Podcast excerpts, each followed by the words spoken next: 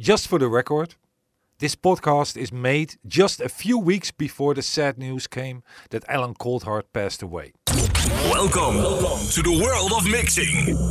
Welcome to the world of DJs. This is Remixed. I had the honor to talk with Simon Harris, who is the producer of Bass How Low Can You Go, an historical dance track from 1988.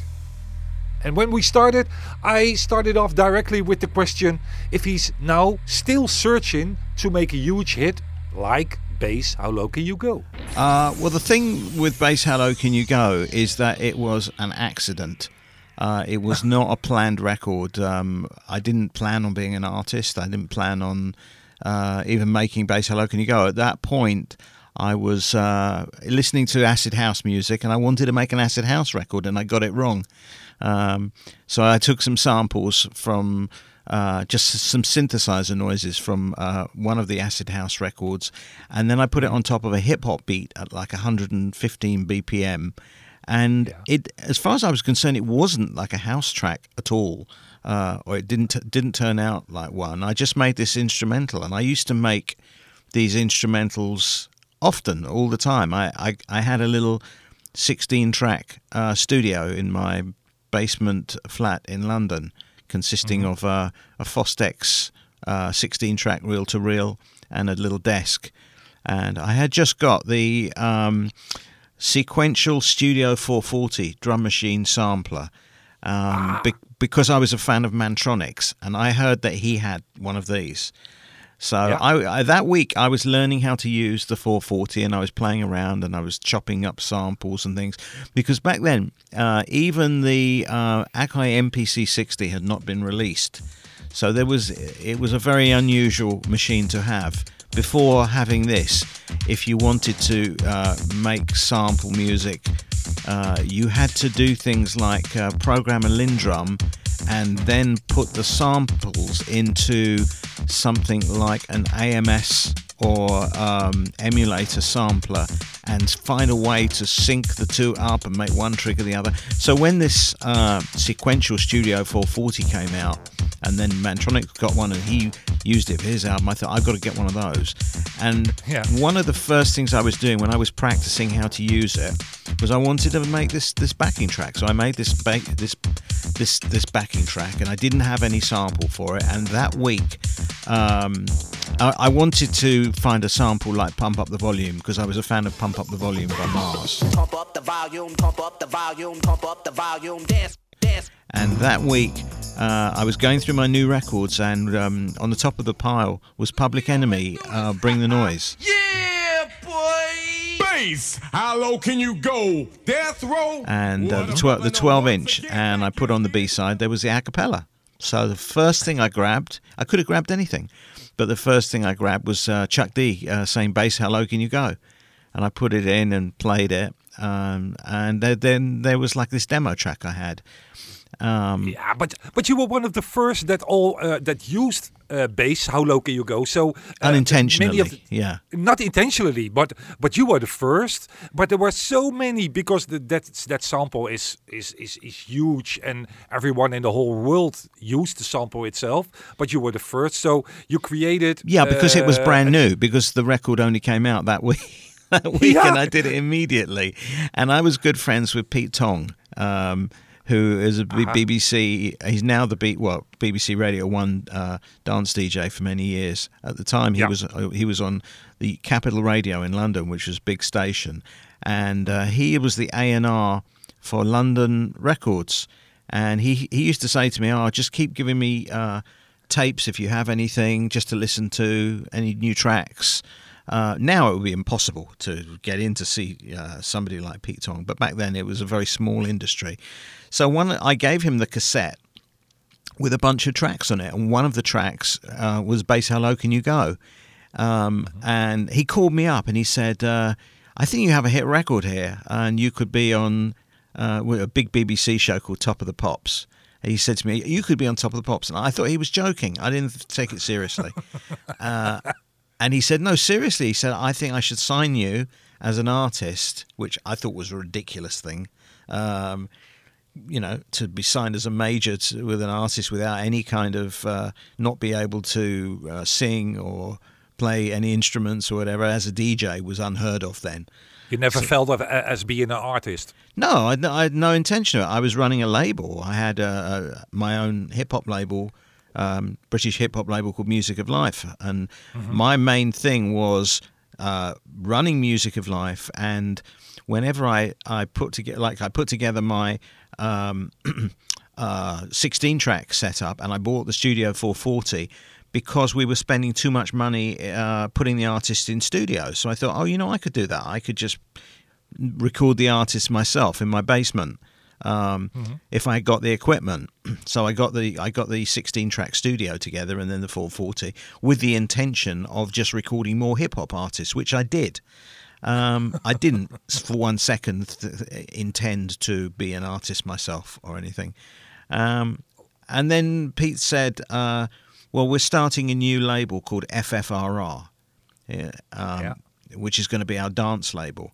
Um, and he and so he signed me to be one of the first artists on FFRR, which became a big label in the end with Frankie Knuckles and many other big artists. Um, and we did have a hit record, which was crazy, you know, um, and it was just a, a, a crazy time to actually. Uh, it was a bit of a blur, the whole thing, to to be an artist. Um, How huge was it? it was yeah. It got to uh, in, in the pop charts in the UK. It was top twenty, but then it got Yeah. it did very well. Billboard uh, dance chart. I think it got to number one, uh, and then it was released uh, in Germany with our friend Brian Carter, uh, who had BCM Records. He Yeah. put it out, and then in Australia and other countries and stuff. So, and it became this this uh, big thing, which was purely just an accident. And the crazy thing was is that. Um, then Pete said you've got to do a follow up, and that's where I fell into trouble because I didn't have any any any follow up planned or anything, and No. uh, I made this terrible record called "Here Comes That Sound" as the follow up, which to this day I cannot listen to it because it's so awful.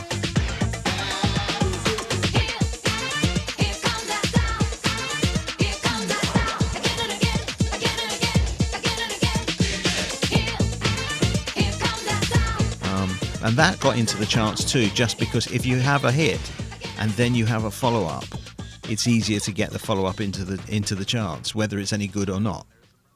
The second wasn't a hit because you weren't. Yeah, No, it, was a hit, but it wasn't as big a hit as Bass Hello Can You sorry. Go. So Pete Tong asked me to make this album, but I made uh, a huge flaw, a big mistake, which I think was the big one of the biggest mistakes of my entire career as an artist. Is that what what I should have done on this album is I should have made a whole album of Bass How Low Can You Go type records because that's what people wanted. But instead, I made the mistake of, of making it like a showcase to show, oh, I can make a soul track, I can make a reggae track, I can make a, uh, you know, it was more of a showcase album, which uh, was a mistake, I think. So there we are. That that was my only album because of that, and I think if I had just um, made lots more bass "Hello Can You Go" type records, it would have been more successful.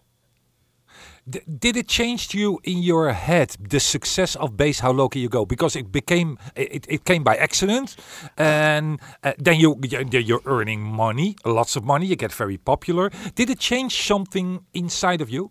It, no, well, it, I was not earning a lot of money. You you earn a lot of money. You don't earn a lot of money from one single, a one hit single. You uh, an artist learns uh, earns a lot of money if they are a serious artist and they have a big selling album with success. But of course, that didn't happen to me. I had a one one hit, which was "Bass Hello Can You Go," and a follow up single, which really wasn't big, and then an album which really was not good. Um, and then I was dropped by the record label. But really, it was not something I was taking seriously at the time anyway. My main concentration was running my label. So this was a sideline, it was like a side hustle. Um, and uh, it didn't change me because. Uh, being uh, a record company person, I I know how artists behave, and uh, I did not allow myself to become, uh, you know, clouded by any kind of success. One thing also is that I didn't like. I was walking down the street a few times, and people were shouting at me because they had seen me on TV. Um, and I didn't like that. So I was not comfortable with my very small amount of fame. Uh, so I was quite happy to go back to being a producer. Uh, was the starting of uh, the rep, uh, the the label, uh, was that long before Low Can You Go?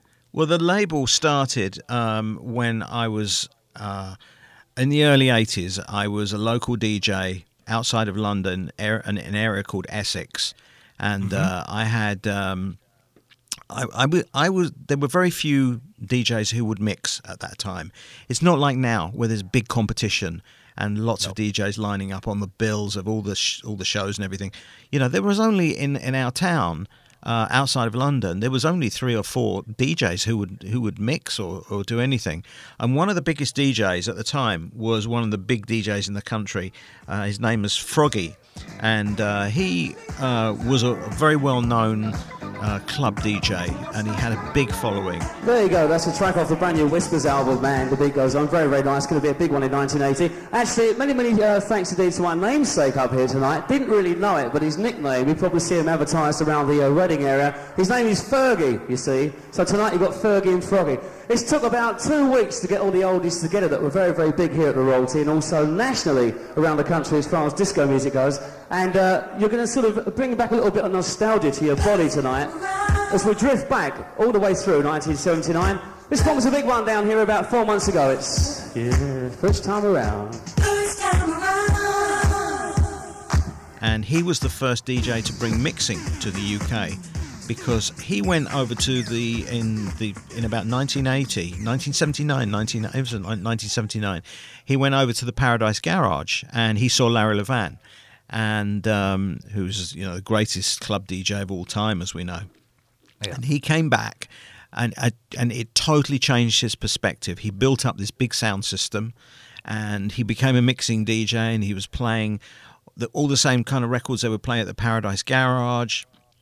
And I walked into my local club where he he was DJing, and I saw him, and we connected together, and we started a partnership where, um, you know, he had this uh, like this you know funk paradise garage music and i had uh, you know more the disco and more commercial music and we got together and we started making remixes. Uh, he had connections at the big radio station radio 1 and i had some connections at capital radio so between us what we would do is we would uh, create these remixes on reel to reel and on cas- well not on cassette uh, but on it was actually all reel to reel and but they were from vinyl and then we would we would uh, take them to the radio stations and we would get the DJs uh, to play them, which now would be impossible because there were too many DJs. But back then we were the only ones. There was only a few of us, so it wasn't too difficult. Um, and then, But how did you start it then? Because you already had a tape deck uh, or, or a Revox or whatever. Yeah, uh, I had bought it? myself uh, some uh, a pair of Technics SL1200s just before this, and a reel to reel. And so I knew but the basics of editing. I had been doing this a few years because because I started doing hospital radio, local radio, and local discos and things. Um, Okay. So I knew already knew the technical side of it, and I had But worked DJ Froggy was the big, the big, uh, your big uh, hero at that time. Yeah, I, well, I- wouldn't say he was my hero because I had not been to all his gigs, but I knew he was very big. But when I saw him, we connected um, and we became friends. Um, Okay. So we we were t- doing this, but what we would do is we would create these um, these mixes and get them played on the radio, and then we would use that so that we would go to the record companies, walk into the record companies, and say, "We've done this mix. It's being played on the radio. You have to put it out, please. You know, put it out as a B side." So we would pressure them into putting the the re, into releasing these remixes that we had done, these edits um, Yeah. on the B sides of records, and we got quite a lot of them, them done, uh, and quite a lot of them released, and some of them were hits. And, Which were, which was your your very first one? Oh God, we did Doug, Dougie Fresh, uh, Jeffrey Osborne, um, William Bell, um, the real thing, which we have a story about, which I will, will, I'll, I'll tell you about, um, Yeah. and lots of and lots of um, all, all different ones that we would have played on the radio, and some of them would be released. Whoa! But th- did you all do them under your own name or a t- artistic Yeah, we name did it under whatever? Froggy and Simon Harris. There, are, if you look back, there are quite a few uh, Froggy and Simon Harris uh, mixes in around Aha. 84, 85, leading up to 86. Because in 86 we decided to start our own label. Fellas, I'm ready to get up and do my thing. I want to get into it, man, you know. Like a like a sex machine, man. Moving and stuff, doing it, you know.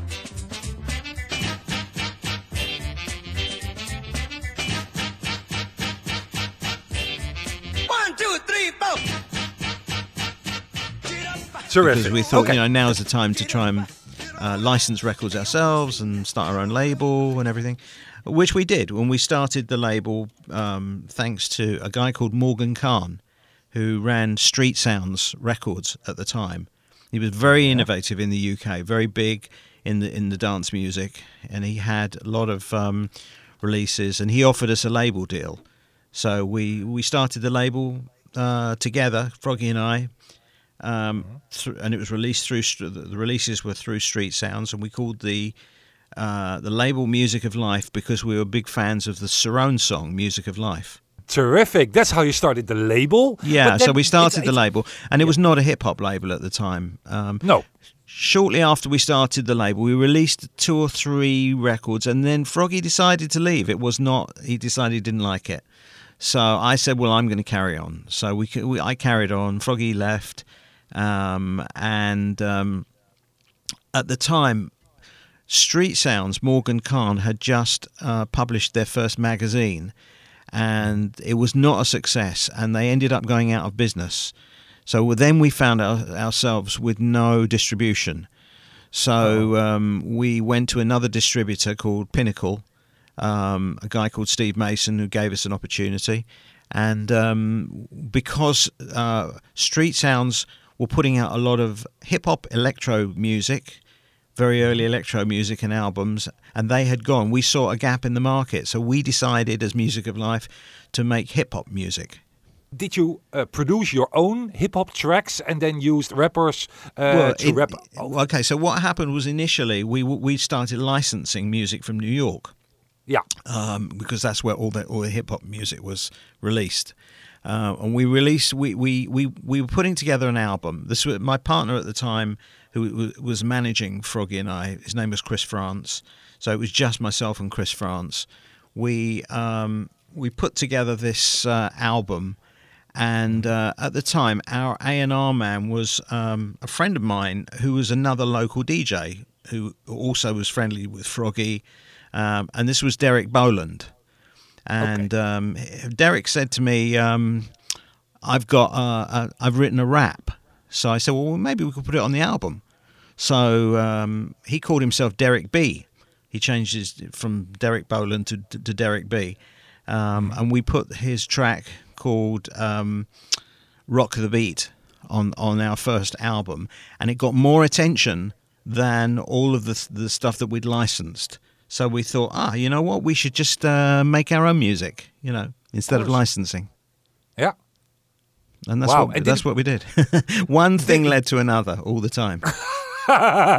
you start something and then uh, t- but may- maybe by accident it changed. Uh, Yeah. Then you start because Ex- uh, hijack and Style Wars is that uh, your own pro- uh, your an, an, an own production or did you license that? Which one?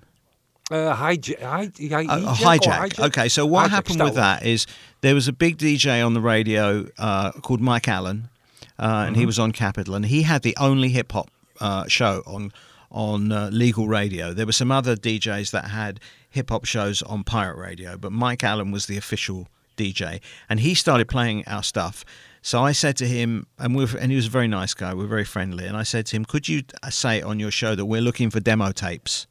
Uh, and if anybody's making uh, hip hop uh, uh, music in the UK, send us tapes. And so all these tapes started arriving, all these cassettes uh, from all these different artists. And we just went through and we found the best ones. Some of them were great and some of them were terrible. Um, and um, Hijack was one of them, actually, that uh, it didn't come from a, a tape. It came from the fact that Derek was at a, a, a show that um, in London and uh, Hijack. They weren't hi- called Hijack at the time. They were called the Turntable Tricksters.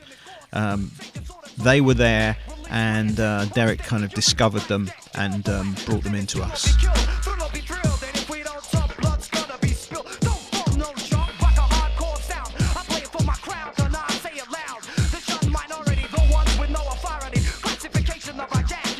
Those songs, they, did did they become successful? Well, uh, successful then was if you sold, you know, like three or four thousand copies, that was considered successful, which was pretty Yeah. good. But my concentration was whenever I produced something, I always thought, you know what, people have got the choice of buying an American record or an English record. We mustn't sound like demo tapes compared to the American hip hop. We must make the sound as good. You know, so I put a lot of work, and I was a fan. I was buying a lot of records at the time. I was buying a lot of um, hip hop imports. So I would always take a, great care to make sure that the sound is as good. Um, And the first record that we put out with Hijack was called Style Wars, and um, it, it immediately got a lot of attention. They were a really good group. They were very. They took it very, very seriously, um, more seriously than me with, when I made music. um, and then uh, the second and third, the second uh, release actually, and with the second and third track on, they changed the game completely, and they did something very innovative by making the tempo very fast, which had never been done before.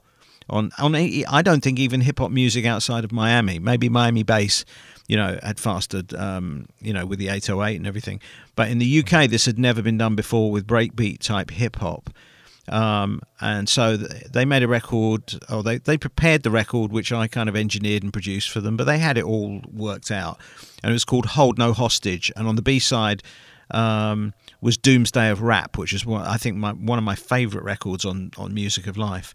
And that changed the sound completely because then we had a new sound, a new, faster, British, unique British hip hop sound. Um, and they, they got a lot of respect for that. Okay, was that sort of a beginning of the uh, the changing more to house because the, the, the, the, the because of the speed? No, no, that was unconnected to house um, because Okay. it was all breakbeat. Still, Um, okay. The house was kind of sidelined on a different thing. If you did house music, uh, you kind of the, the a lot of the hip hop artists would lose the respect uh, of their fans and stuff. So they didn't want to see, be seen to do anything uh, like house music. There was a lot of snobbery between hip hop and house, where they Yeah. didn't want uh, you know to be connected with it. Yeah, Um, especially at the end of the 80s because the, yeah, the so house yeah, exactly. So this was 1987, so it was still Yeah. pretty early on. Um, you know, I hadn't when I signed um, uh, Hijack and when we released the Hijack records, I hadn't uh, uh, signed to uh, London Records and done Bass How Low Can You Go yet. So it was Yeah. it was quite early on. Yeah, it, w- w- was it your uh, official job already, or did you have a, another job uh, next no, that's the it. I'm music? unemployable. I don't have. Uh, I've never, I've never really had jobs apart from uh, when I'd uh, left school.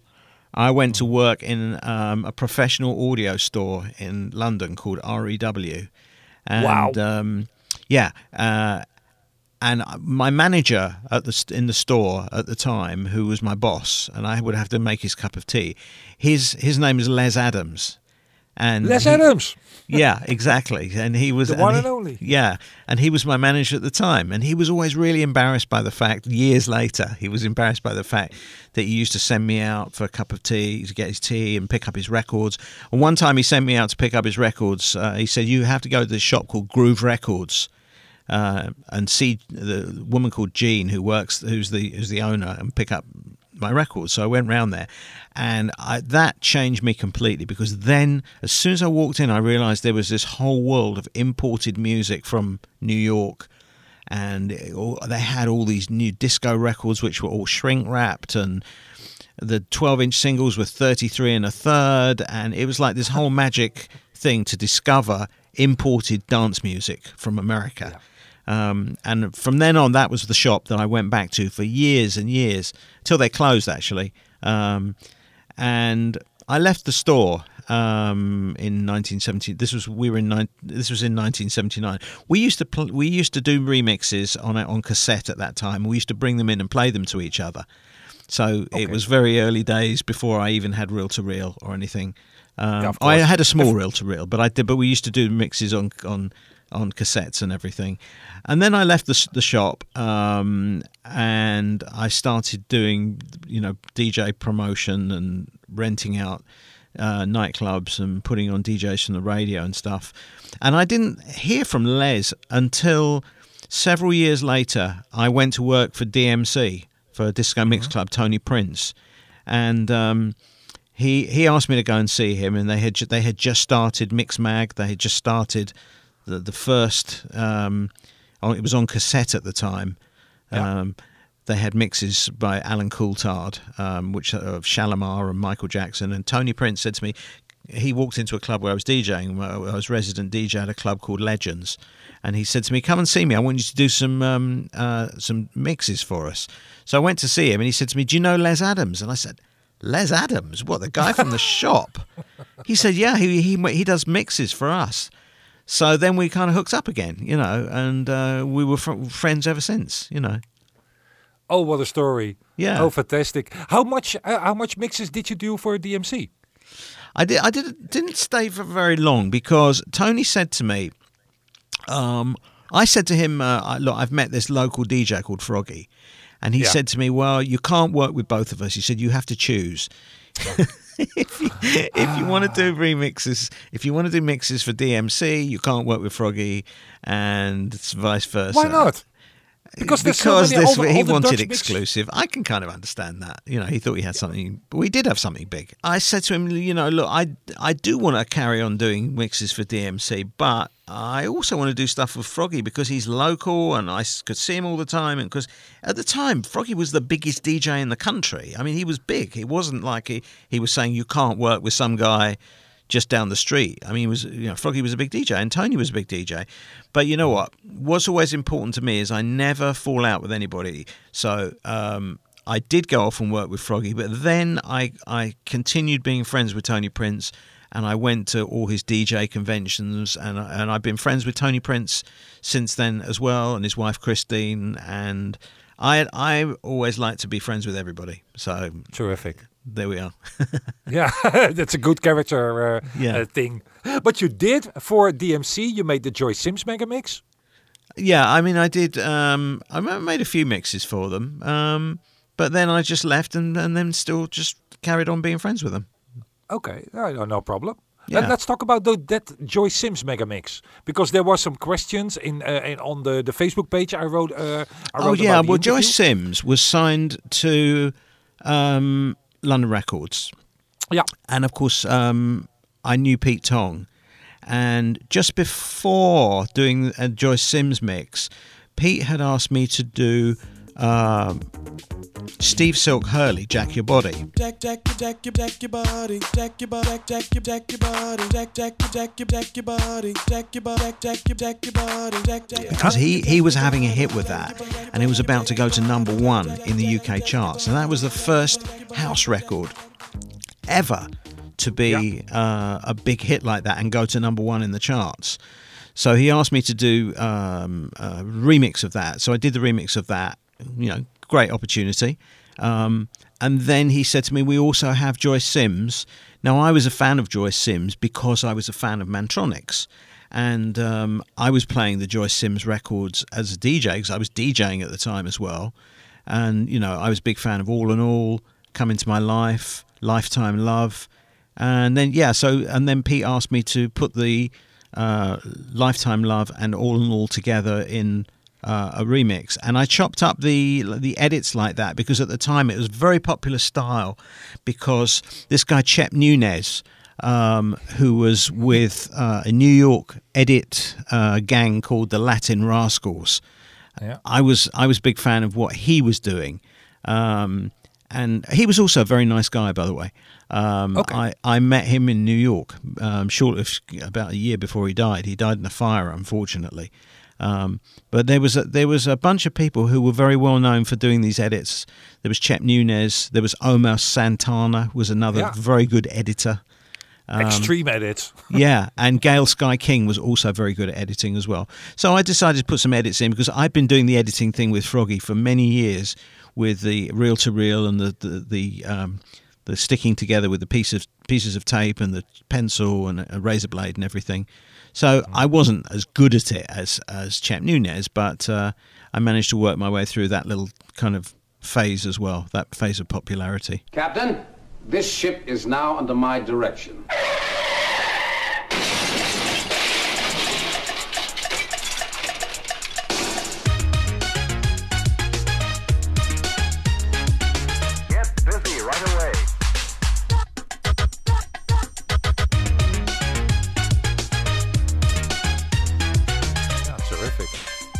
The Joyce Sims Mega Mix. We're gonna play it on the radio show as well. Great. Uh, because it's it's it's a fantastic mix. So it's uh, but also because of the edits uh, from uh, Chep, but also the edits from you.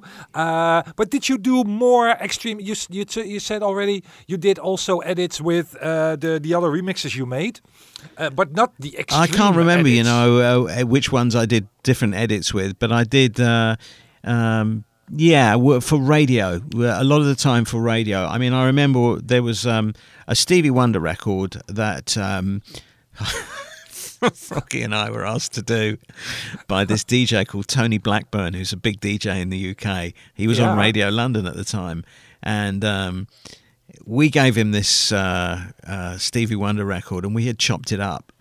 It was just so ridiculously over the top. it was ridiculous. Anyway, I- if I listen, ever listen to that, it's like da-da-da-da-da, da-da-da-da-da, completely for no reason, you know, because we were just having fun with the editing. Do you still have it? Uh, I'm not sure. I'll have to look at it. If I've got it, I'll send it to you. Oh, please, because I love the edits, and we have a lot of extreme edits fans. Uh, well, you know, also us. Shep Pettibone. I, I, uh, he did the ed- the editing thing as well. I was a big Yeah. fan of him, of his, of his Yeah. remixes, and he did some edits like that on a Pet Shop Boys record at the time as well. Uh, it took so a long time. It was a, it was a long drawn out thing, you know. And if you, and you could easily make you could easily ruin everything with just one or two edits and chop it the wrong way, and Yeah. ruin the ruin the tape. Yeah, Senny was a, a magician as well. Oh, Sunny's fantastic. Yeah, yeah, yeah. yeah. I'm still hoping to get in touch with him. He has not responded yet on my uh, on, on my questions. So Oh, uh, okay. I hope to, I I'll hope have to a hear word from him, with soon.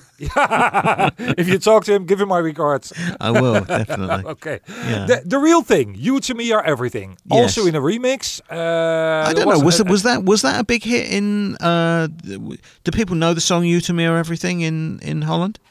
It, it was a huge hit. Oh, really? Okay. Because I never know. Sometimes, you know, if things are a hit, a British record might not be a hit in America and things like that. I'm not sure.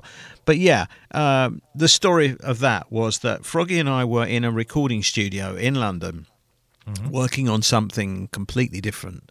Uh, and I looked and saw on the floor somebody had left behind a two inch multi track of Real Thing, You to Me Are Everything. So I said, I said to the engineer, uh, "What's this?" And he said, "Oh, I don't know. Uh, somebody left it." And I said, "This, this is a real thing. You to me or everything." He said, "Oh, I, he said I don't know. I don't know what it is." So Froggy and I looked at each other and we opened our bag and we stole it. We put the tape. we put the t- we put the tape in the bag, and then when we finished our session, we just went home and we took it home. Um, so we had this multi-track, and at the time, it was not easy to get things like this. You, it had to be some, you know, pure fluke to find something like this. Yeah. So we said, what are we going to do with it? You know, uh, so we made an appointment. You know, being the honest people that we were, we made an appointment with uh, the record company, who is the Real Things Record Company, PRT Records at the time. They used to be Pye, P Y E and we went to see the A and R man, the the Real Things A and R man. His name, very nice guy, uh, Robin Blanchflower. And we said, we we've got the Real Thing, You to Me Are Everything multi-track. Uh, we'll give it back to you if you put us in the studio and let us do a remix. Yes, I need you, baby. You are everything to me. Can't you see? Wow. So he said, "Oh, you know, we anyway we agreed that if we did the remix, we would be paid two hundred pounds, which is a very small amount of money. Um, so we agreed, you know, and it was all fine. Everybody was happy. We and they put us into their studio in London, which was a f- really fabulous studio, um, one of the nicest studios I've ever worked in, because it was one of the old school studios from the from the sixties and seventies, from PYE Records and everything. It was a beautiful studio, and uh, we did the remix. And um, I, I remember it very clearly exactly what day it was because while we were in the studio doing the remix, uh, the news came in that the space shuttle had exploded. oh, You, you wow. remember in, in I think it was January 1986 the first space shuttle Yeah. blew up. Yeah. And it was while we were in the studio doing the real thing, thing mix, we're like, oh my god.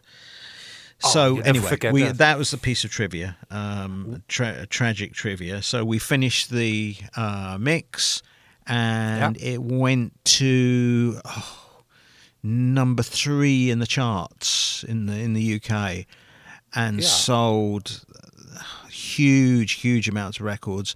And I don't even know whether we got the two hundred pounds. yeah, but, your experience of the of I doing remember it in that the real thing did not mention, and and by the way, the at that point, the real thing had been forgotten about. They were a band from the seventies, which were obscure. They were not doing shows. For all I know, they'd split up. It was they were an old group, and the song was one of these things. That they they'd be played at weddings. Yeah. But not big, you know. It was, no, it wasn't you know, big by any st- stretch. So the fact that we we did this remix and we put it back, them back on TV and back onto the shows like Top of the Pops and you know restarted their career, which by the way has continued to this day since we Yeah. did that remix. They've continued to be a big band. Yeah. They didn't and you mention used the they- acapella nice. yeah, we did an a cappella as well. Yeah. Yeah. But Yeah. but they didn't say okay. So and I'm not one of these people that demands thanks or anything. But they never said thank you. They never mentioned it. They never they never acknowledged it or anything. They just said we're back. You know, they didn't say it was anything to do with the remix uh, or anything like this.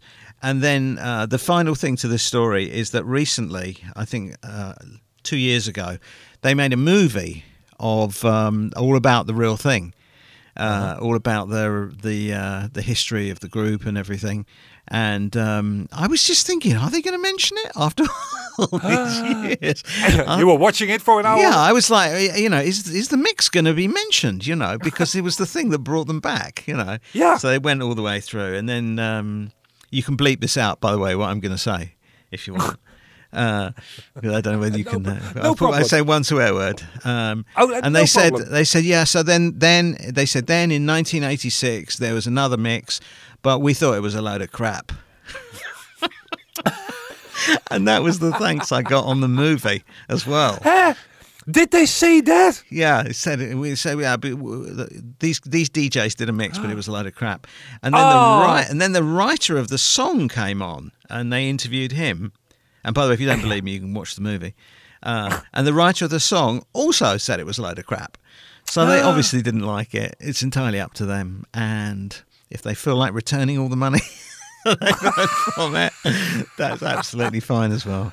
But there we are. I'm done. You know, you asked me uh, the story. That's the story. I haven't got sour grapes about it, and um, it sounds like I've got sour grapes, but actually I haven't. But there we go. That's that's the story of the real thing. You to me are everything, and I wish them every success in the future.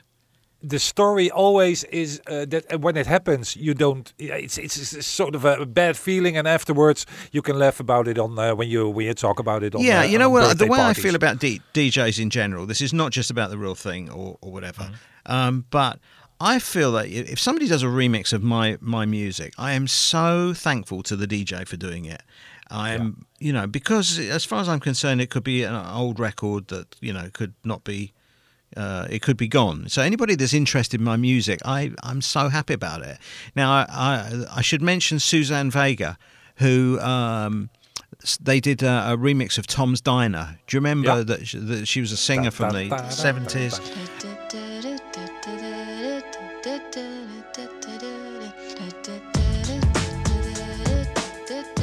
Yeah. Somebody did a remix of Tom, and I remember Suzanne. Uh, so I was watching uh, a documentary about Suzanne Vega, and she just said, "Oh, these DJs did this remix, and I'm so happy, and it's so wonderful if somebody loves your music enough to do the remix and stuff like that." So I just wish everybody was like that. I just wish that all artists, when a DJ should more respect. I just want I just want DJs to have no, more respect. It's not that I want more respect. I want DJs to have more respect, so that when they do these things or when they uh, you know work on somebody else's music, um, you know they are helping everybody. They're helping the artist. They're helping the songwriter. They're helping the interest in the song get more play on the radio.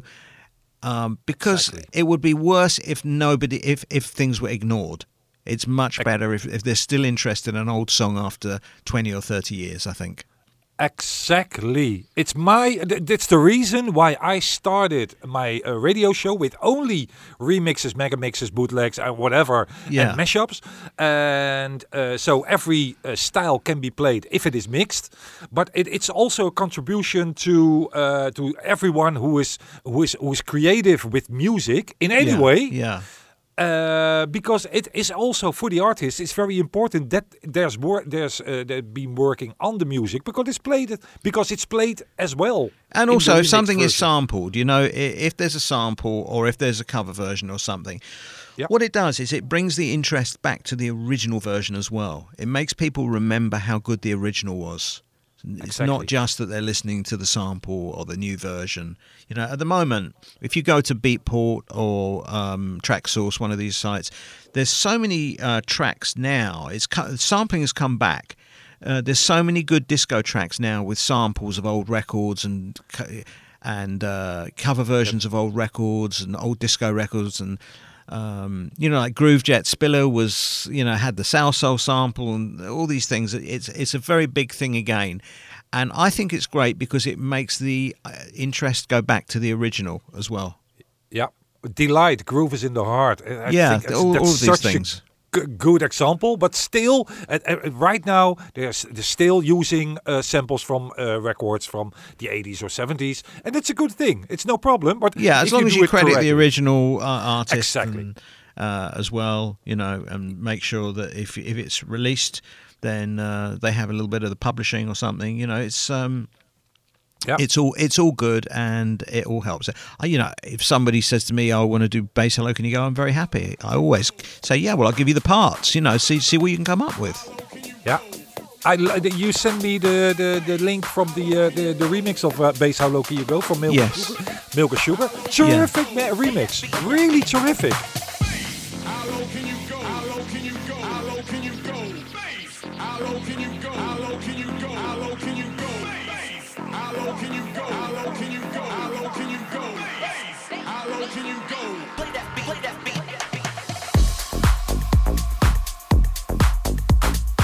Yeah, they did a great job, and now I, you know what, I prefer their one, their one to my original. because you know things move on. You know, you, you can't play old records. Uh, you can't DJs can't mix in old records from all those years ago because the software now has to be locked to a very tight tempo.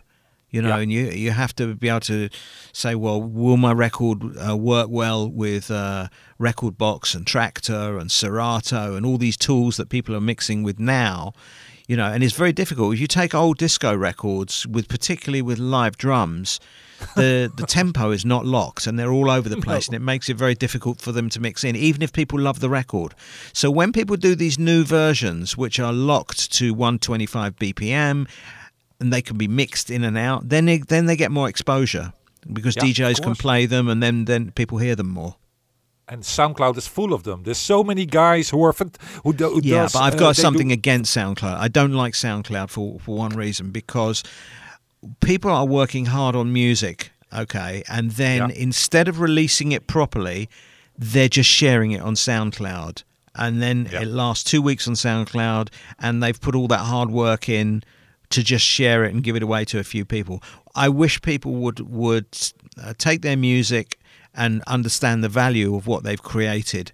So when you make a record, you know, you make a track, don't just share it to a few people. Release it properly and publish it, and then maybe you can earn some money from it long term as well. Yeah, you're, you're absolutely right. But the uh, administration for th- th- those those those guys are uh, they're working at home. They're uh, working in their, their small studio. They make a fantastic remix. But then the the real work comes because then they have to go to the record company and say, "I've I've, I've done the remix. Yeah, you, please can. You Release can. it?" It's it's Yeah. not difficult to release a record uh, properly commercially. You can do it. That's true. That's true. But you have to do, you have to do you have to be in contact with them or uh, Well, yeah. I'm not necessarily. That's why I started my my new label, Workroom, a couple of years ago, um, because what I wanted to do was look for people who were taking who were making music at home, but then just throwing it out on SoundCloud. And. I and I say to them, no, bring it to us, and we'll give you a proper release. So maybe then you can earn some money out of it long term. Yeah, that's true. That's and true. a lot there's of dance many labels are looking for this. They're looking for new artists, um, and they can't release stuff if it's if it's just been put out on SoundCloud because then it's already gone. That's true. But you still have to uh, have to get the license. Then Uh, let's say I make a new remix of uh, of uh, no, let's say you to me are everything. I make a new remix. Well, Could now I- you're now you're bringing up you? cover cover versions. Unfortunately, cover versions um, don't earn much money because what you're doing when you're making a cover version is the original artist is the one who is the songwriter um, Yeah. that earns the money. It's better to make original music, really. Exactly. Yeah. That's the best thing. Yeah. But if they do a remix, and that's what most most guys do at home. Yeah, yeah, I I understand. Re- remixes, uh, you won't earn much money, but maybe uh, you know, pe- you get more profile, uh, and your and your name gets around more as a That's DJ. true. And it's a bit easier. Yeah, it's a, it's a bit well. It's probably more difficult legally because the if you true. make a remix for an, an artist, they would have to approve it. But if you do uh, put it out there, at least you get the attention. Um, you know, I know, for instance, Michael Gray is a, is a great DJ in the UK. Um, You know, he's doing a lot of um, remixes as well. You know, and he's doing uh, really well with them, and they're fan- all fantastic. And he's also releasing records, so you can do both. Let's go back to the 80s one more time because we forgot one thing. That, that the break beats and scratches, which were used by any DJ that was uh, on the globe Oh, yeah. at that time, Yeah. they all used your samples. How did you come up with the idea to make an album? Okay, so beats, breaks, and scratches. I'm going to give the kudos for the idea to a DJ that I was a big fan of, Ben Liebrand. Now, yeah, that, now Ben Liebrand was uh, he, he, and I told him this. He knows this that he was my idea for beats, breaks, and scratches because he released. Um, I think it was about 1985. He released a record on high fashion music, uh, which was uh, LinnDrum breaks. Yeah, that's true. Um, and it's a if you look for this record, it's uh, it's got a picture on the front of a Technics SL twelve hundred, and it's it's a yellow yellow and gold sleeve. And I bought this record, and I thought um, that's a good idea. You know, I could do that with some breakbeats and stuff. So when I started Music of Life, um, you know, I wanted to have for, just for my own use. Um, I wanted to put all the different breakbeats that I had and different drum sounds on on a record. Um, so I put together the first volume of Beats, Breaks, and Scratches, which was loosely based on the idea from uh, Ben Liebrand, because I took the photo of my Technics S12 1200 on on the, on the front cover, like he had done with with his one.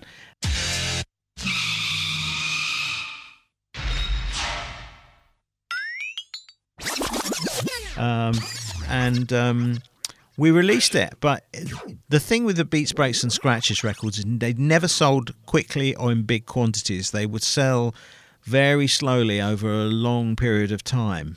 Um, and then we would do another one and another one. And it was only because they'd been selling for so many years that they did okay.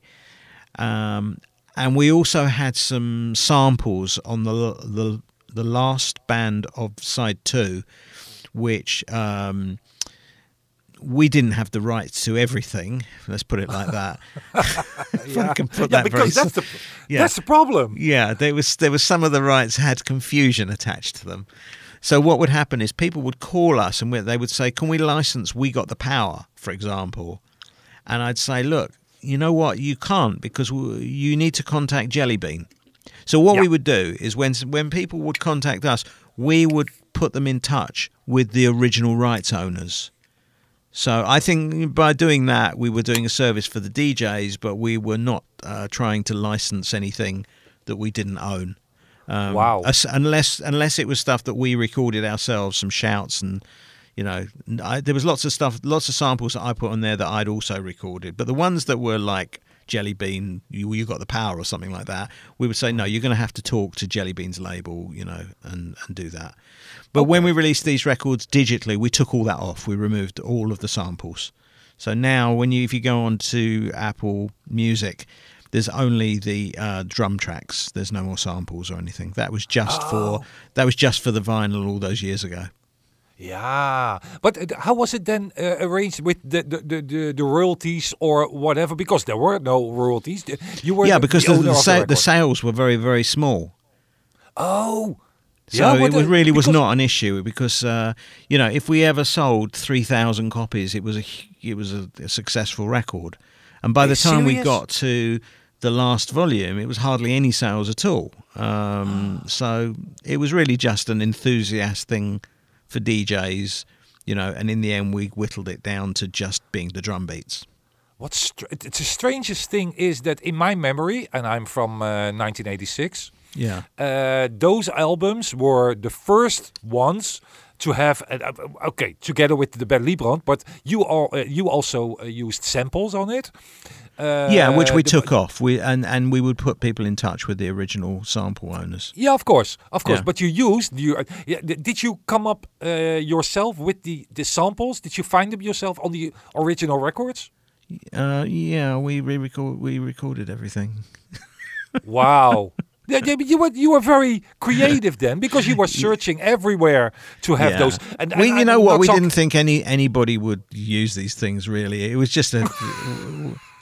we would do one, and it might sell a few thousand. It was more to see if we could sell them in our local stores and stuff, you know. And then, like for instance, Groove Records would call up and say, um, you know, we want some more of Volume One. But it was all very small quantity. It was all just like, oh, can we have ten? And can we have 20? It wasn't Oh, okay. huge. We were not selling thousands and thousands of these things. It was very, very small quantity. Okay, but it's But, but, it, but they became known because they be, they were aimed at DJs. Really, that was it. Yeah. It's a bit like the um, Ultimate Breaks and Beats albums in America. You know, the Yeah. DJs knew them That's at the true. time. That's true. And there weren't so many DJs at that time. There were DJs, but not so many. Very small compared to now. Tiny compared to now. And in the 90s, you did the same with almost the same with the techno beats under the name DJ Bassman.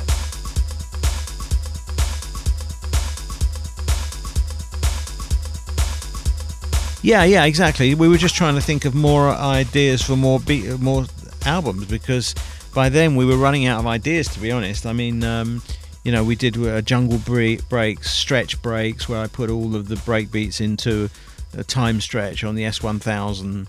Um, and also, we had some artists come to us and say, "We were, I, I want to release some new breakbeat albums because you're the breakbeat label." Paul Oakenfold uh, came to us with one, and said, "We want to release, I want to release one." So we said, "Great."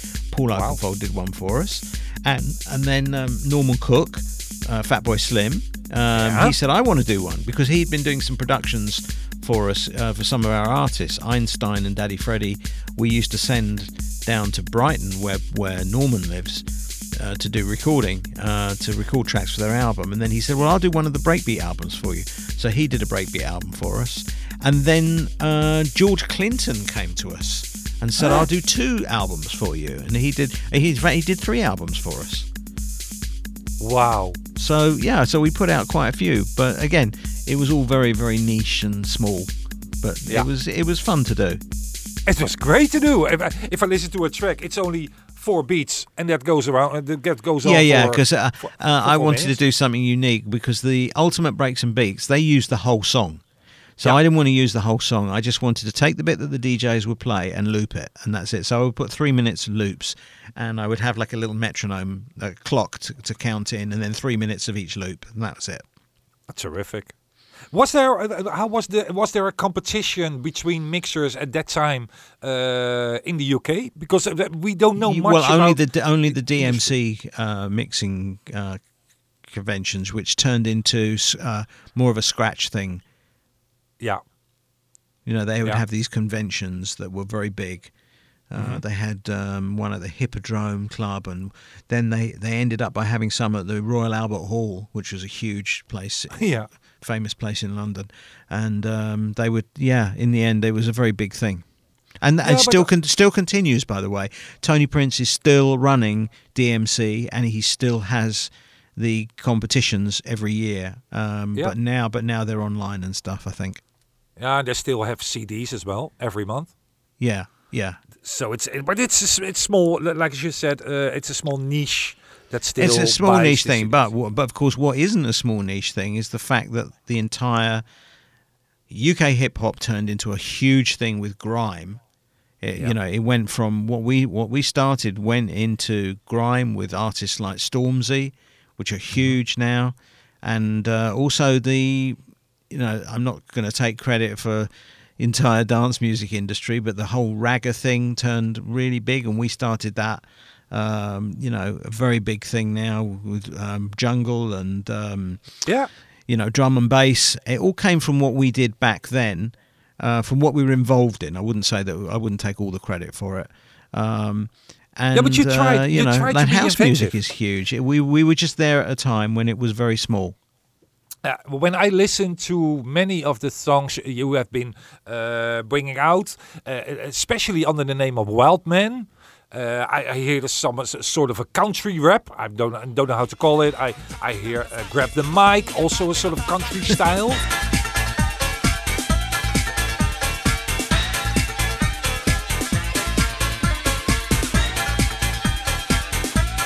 I hear so so so uh, much different. Well, I've done a lot of stuff over the years because I was constantly trying to chase every, every kind of style that came and went. That was the thing, and you Yeah. can't necessarily do that. And you you could say I'm trying to do the same thing now because I'm still I'm still releasing music. I'm DJing now again on Twitch TV. Yeah. Um, and so if anybody's hearing this, uh, it's uh, official Simon Harris. Come and uh, watch me and uh, follow me, please. And uh, yeah, I'm releasing music like my new track with Roxanne Shante, which has uh, just been released on Beatport called Never Be Another. The R O X A N N E. There will never ever be another. There will never ever be another.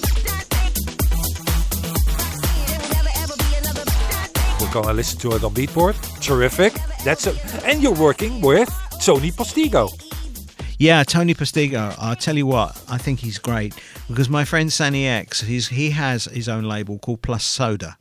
And um, he signed um, a track of Tony Postigo's, which I loved, called Spectrum. And uh, I used Spectrum as my. Um, I was using it as like my audio test track. So when I was doing a mix, I like to listen to reference tracks to hear, you know, what is the maximum bass that you can put on a house track and stuff. Yeah. And I thought that Tony did a great mix of Spectrum, uh, and it was mastered really well.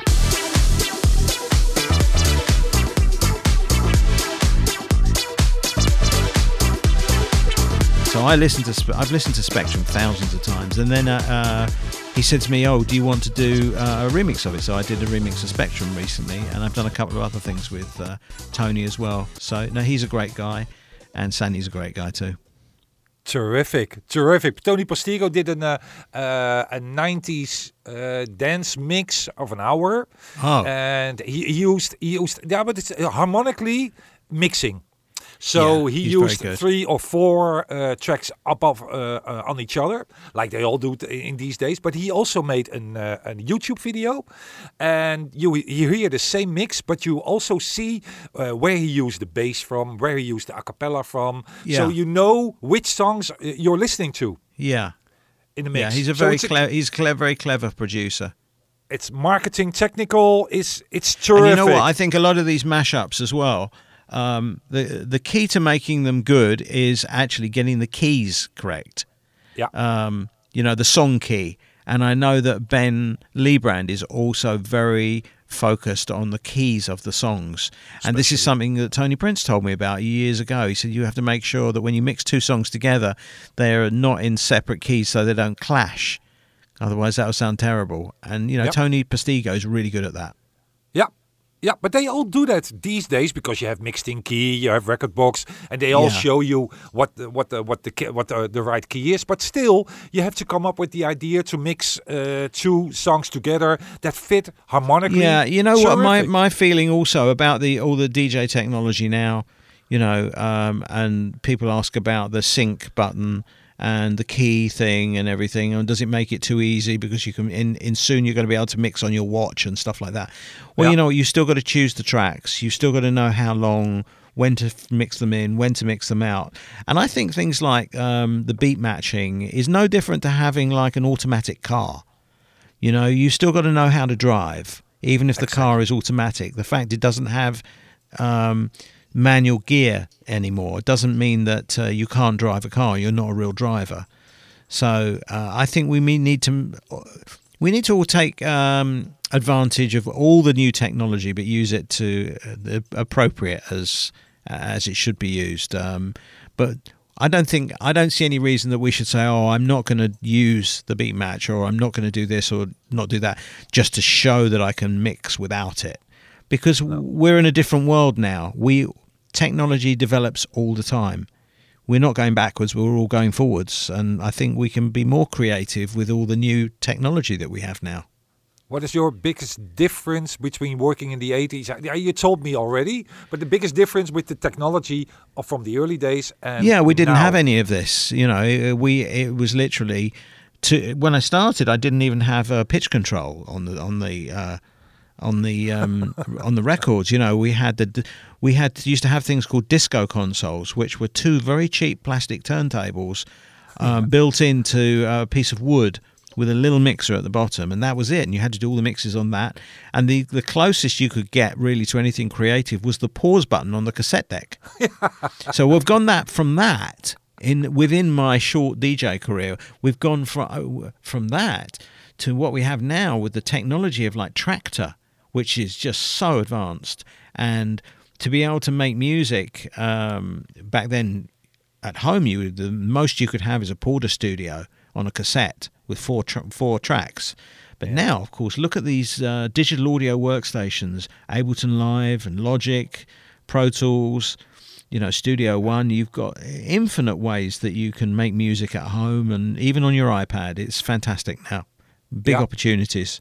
But still, the most important thing is when you make this music, don't throw it away realize that what you're making has value because uh, Leonardo da Vinci didn't used to um, you know dr- make paintings and then uh, throw them in in the trash he Exactly. But you know you have to save you have to try and uh, realize that what you do what you put work into you're an artist and uh, you can make make it have some value and you can earn some money out of it maybe one day And that's why you always have to save every uh, demo you have. Yeah, definitely, Even definitely if it's demo first and the second, or uh, the final, final first, final second. I agree. Always save them because most of the times when I made a demo, the first demo I made from uh, a- a song, that's always the best one from all of them. Yeah, I read something yesterday that um, when Michael Jackson made uh, Billie Jean, um, they did something like 60 takes.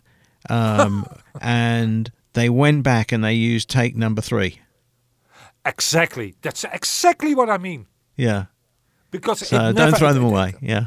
Exactly, exactly. Don't throw it away. Um, th- still, there are mixes from the 80s that I still love the best. Uh, with the technology you have now, Yeah. it's still uh, the Ben Liebrand's uh, Grand Mix of 87, uh, 6 or 87. Those are one of my uh, all-time heroes in mega mixes. Oh, good. I'm, I'm sure I'd be pleased to hear that. I've I love uh, Ben's Grand Mixes, and he's been doing them for so long as well. Yeah, and the quality he made at that time already with the equipment that he had at that at that time. It's Well, he was uh, always ahead of the, the pack with all the equipment and his studio. You know, Yeah. I, I I now I ask him for advice all the time. Um, he, Yeah, yeah, I still do. You know, when I want to know something, uh, I always ask him. Okay, okay. What is your all-time favorite mix? Of mine or someone else's? No, no, it doesn't matter. Uh, Whoever, what's your Oh, if you- favorite mixer. Favorite mix? No, no, favorite mix. Favorite mega mix or remix or mashup? What that anybody's done? Yeah. Um, I think one of the most influential mixes on me was um, double was by Double Dee and Steinski. Lesson Uh, one. Lesson lesson one and lesson two, yeah, from Double Dee and Steinski. You see, you see, Two. you see, One.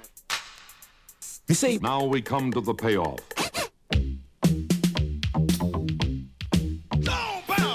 Because I remember that uh, that's the first time that uh, so I was I was doing mixes and stuff, and I'd never thought about these. I wasn't using samples or anything at the time, and I remember I was driving the car, and I remember when I've heard uh, that you know with. Um, the lines from Casablanca, uh, uh, Casablanca. The, it was the one that, that was based on uh, Globe and Whiz Kid, "Play That Beat, Mr. DJ," Yeah. um, which I think was lesson two. I don't know Uh, yeah, which one. true. But anyway, w- when I heard that, right, for, I thought that's good, right, because it's got some edits. But then when I heard them, them throw in all those, uh, you know, vocal lines, and I almost crashed the car. And that was a kind of life changing thing. That from then the bar had been raised, and I knew that I had to try and do stuff like that. And I tell you what, I felt a little bit like that with Pump Up the Volume as well. And uh, at the time, I I had been working with um, Chris Mackintosh, CJ Mackintosh, uh, Yeah, and Dave. Dorrell, so I knew them and I was friends with them. But I tell you what, when I heard that that Pump Up the Volume, I just thought, well, you know what? Respect to them because they've they've kind of changed the game again. You know, and I probably wouldn't have done Bass How Low Can You Go uh, if I wasn't a fan of Pump Up the Volume. So you hear things from people, and you know, um, it's great when people do something which is very very memorable and, and the game changes. It's terrific. I spoke to uh, Mike Platinas. His podcast is coming out tomorrow. Yeah. He mentioned exactly the same. He's the man from the Max Mixes from Spain. Oh, yeah, yeah. And he he said as exactly Double Dee and Steinski lesson one as his favorite of all time. Oh, really? Oh, that's interesting. Yeah, yeah. I'm I'm doing uh, uh, the uh, the the December mix month. I'm gonna play the best mixes of all time, the best Yeah. top ten. And but it's uh, but I, I ask every uh, DJ that I have on the phone, so everyone who. who, who Well, you know, another one that was really great was Alan Coulthard's Michael Jackson mega mix that he did for D- DMC. That was very early on. It was only on their, I think, their second um, release. And for me, that was another great one. I just thought, oh, you know, listen to that, the phasing and everything. And I'll tell you, I'll tell you something else. If I'm, if I meant, if Sanny X hears this, he will hate me. But I always love his sweet mix. Yeah, it's called, it's called, it's the sweet mix.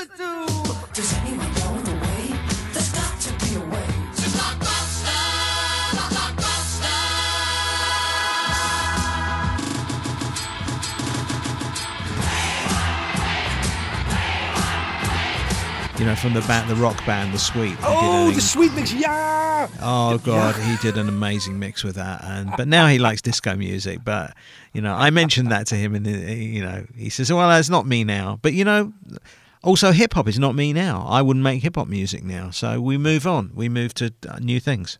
Yeah, yeah, of course. You have to you have to change. You have to go on with your time. So Yeah. you, you you'll change in in uh, your uh, your. yeah, you know who else is you like. also amazing is uh, Paul Dakeyne. He he makes some fantastic mixes as well.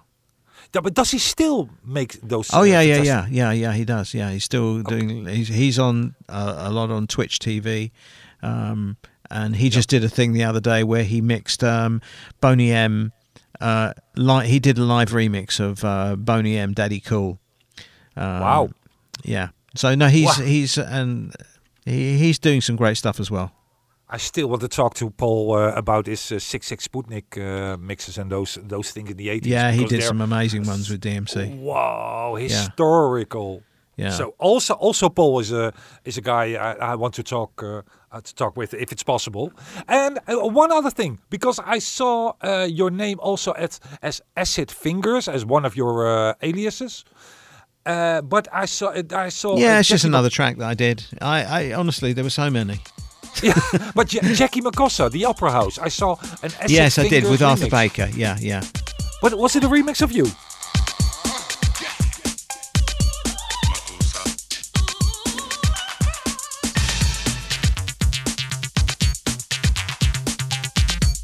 Um, I did. Uh, do you know what? I can't remember all of them, um, but I did. I did a couple with Arthur Baker. One one was um, the Opera House, and another time I went to New York to his studio because he was doing um, an album, and I did. Uh, I think two album tracks with him. So he, no, Wow. he's another great guy. I mean, Arthur Baker, you know, he virtually invented hip hop. You know, Afrika Bambaataa, uh, Planet Rock was was his track. Yeah. Looking for the perfect beat. You know, he cha- he changed the whole landscape. He was so terrific with his Yeah. productions, with Freez, with with with uh, a Yeah, New Order. He incredible. did as well. So I'm, yeah, I'm, I'm just a fan of these guys. You know, particularly Arthur as well. It's- Jellybean still- as well, David Morales. I'm a big fan of these guys. Larry still have com- Levan, uh, you know, a big fan of Larry Levan, particularly Sly and Robbie, and also everything that was done at Compass Point Studios. You know, with uh, Grace Jones pull up to the bumper, Wally Badarou. You know, I love all these guys. They're fantastic. You still have ambition? I still have ambition. Mhm. Uh, yeah, definitely. Well, yeah, but definitely. All I'm doing is I'm in the studio. You know, my whole life is trying to, you know, make my studio as good as I can get it and try and create new things. You know, and try and create new sounds. What's very difficult is to create a new sound, but that's what I want to try and do. You know, so that, you know, to to have a new a new genre. So Okay. And where's the the the the, the Simon Harris uh, in about five years? So in what state is? well, is hopefully he that's then? what I'll have done. Hopefully I'll have some music that I can look back on and say, you know, well, you know, this this uh, kind of changed things. You know, that's what you that's what you try to do. You don't always succeed, but um, yeah, I mean, my that that's that is uh, if there's any passion, it is definitely in trying to craft new ways of, you know, doing something that's different with dance music Okay, electro- is it electronic, and there- and there's so many opportunities now because there's so many, so much great gear and plugins that are coming out all the time. It's a very exciting time with tech with technology now. But is it more important to uh, to make an, a, a, a, a track that you lo- that you love, or well, you know, the you want to thing make is, a hit? I I've always been okay. So I've always been a fan of the um, the technology more Yeah. than being a writer or a, a you know mu- musical lyricist or anything. It's for me, uh, it's all about playing with the toys. You know, the uh, I have to be playing with toys, and then maybe I'll come up with something. It, I'm not the kind of guy that would sit at a piano and come up with a song and then try and do it that way round. It doesn't work like that for me. I, if, you know, I, I'll sit there and play with an 808 or a 909 and a 303 and, and try and come up with things from that way, from the from the angle of the technology. So I'm a big fan of technology, and that's it really. but is a hit necessary? A hit is a hit necessary. Yeah. Well, a hit is. Uh, you know what? There are there are some there's some great records now that are not hits, but there are also some hits that are just terrible records.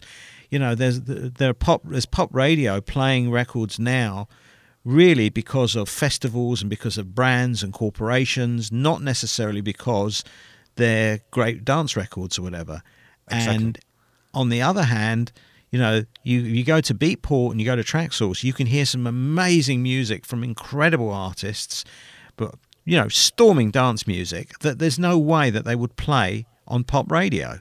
No. You know, and you have artists like Block and Crown. You know Block and Crown. Or you should keep quiet while the MC rap, but if you tired, then go take a nap. Or stay awake and watch the show I take, because right now I'm about to shake and bake. The E-I-C-K is my name, I spell. Thanks to the clientele, yo, how I No, uh, Who- no. oh, I'm I'm a huge fan of that. Everything they do seems to be absolutely amazing. Dave Leatherman is another one. He's doing some great stuff, Yep. and they, they're not going to be played on pop radio. Nope, so. I don't know how you could, what, what what you define as a hit. Is a hit something which is a commercially uh, successful thing because a major corporation has pushed it so that it fits in with a festival and a brand? no, but you have to pay your bills as well.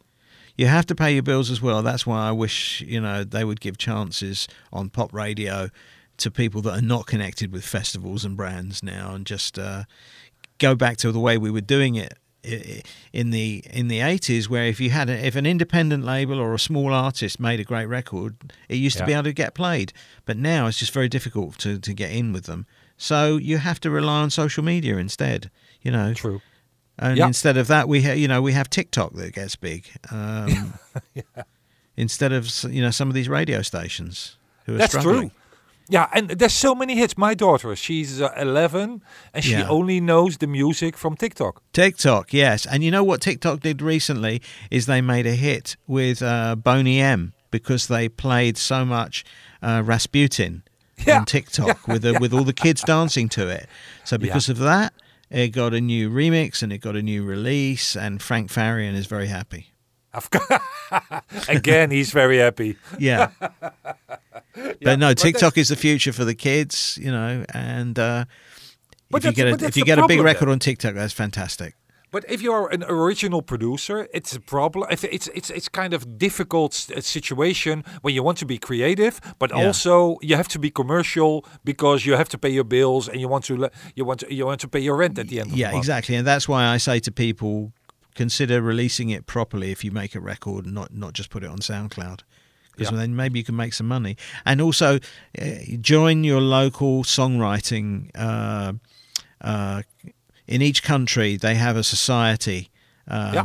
In the UK, we have the P, uh, the PRS, and there's SACEM in France. Yeah, you know, we have Buma if- Stemra. yeah. Okay. So uh, if you're if you're releasing music, join that society. Pay whatever it is. The fee is usually very small to join for the rest of your life, and then your music can be tracked, and you could maybe if it's uh, if it's released properly, it could be used on a TV show or an ad or a movie or something, and then you could uh, start to earn some royalties from it. Yeah, yeah, but that's that's the main thing. In Holland, you pay seventy five uh, euros. Yeah. That's about uh, I think about sixty five pounds. Yeah. Uh, membership every year. But oh, if- it's every year. Okay. In yeah, the UK, you year. only pay once. I can't. I, I apologise for what goes on in Holland. So, but many But guys you know don't- what? If it works after the first year, you know, maybe it's worth it. That's true. That's true. You never know. With with only the streams, it's hard. Yeah.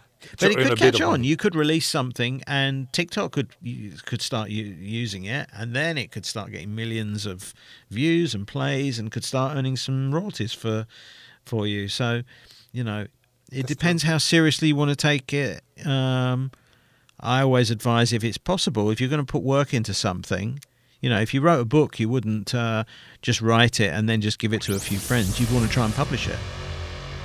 Exactly. Exactly the truth. So everyone who's listening, who is a producer at home, re- re- uh, registrate everything you. Uh, yeah, you I would make. register it and I would release it properly and then see if you can get a little success from it. Hopefully, you can. I hope you enjoyed this podcast as much as I did. I want to thank Simon Harris for making the time to be on Remixed. Want to listen to the music as well? We play only mega mixes, mashups, and remixes on Remixed, the radio show. You can find all episodes of 2021 on Mixcloud. And from February 1st of 2022, the show will be completely broadcasted in English. Till next time, keep on mixing.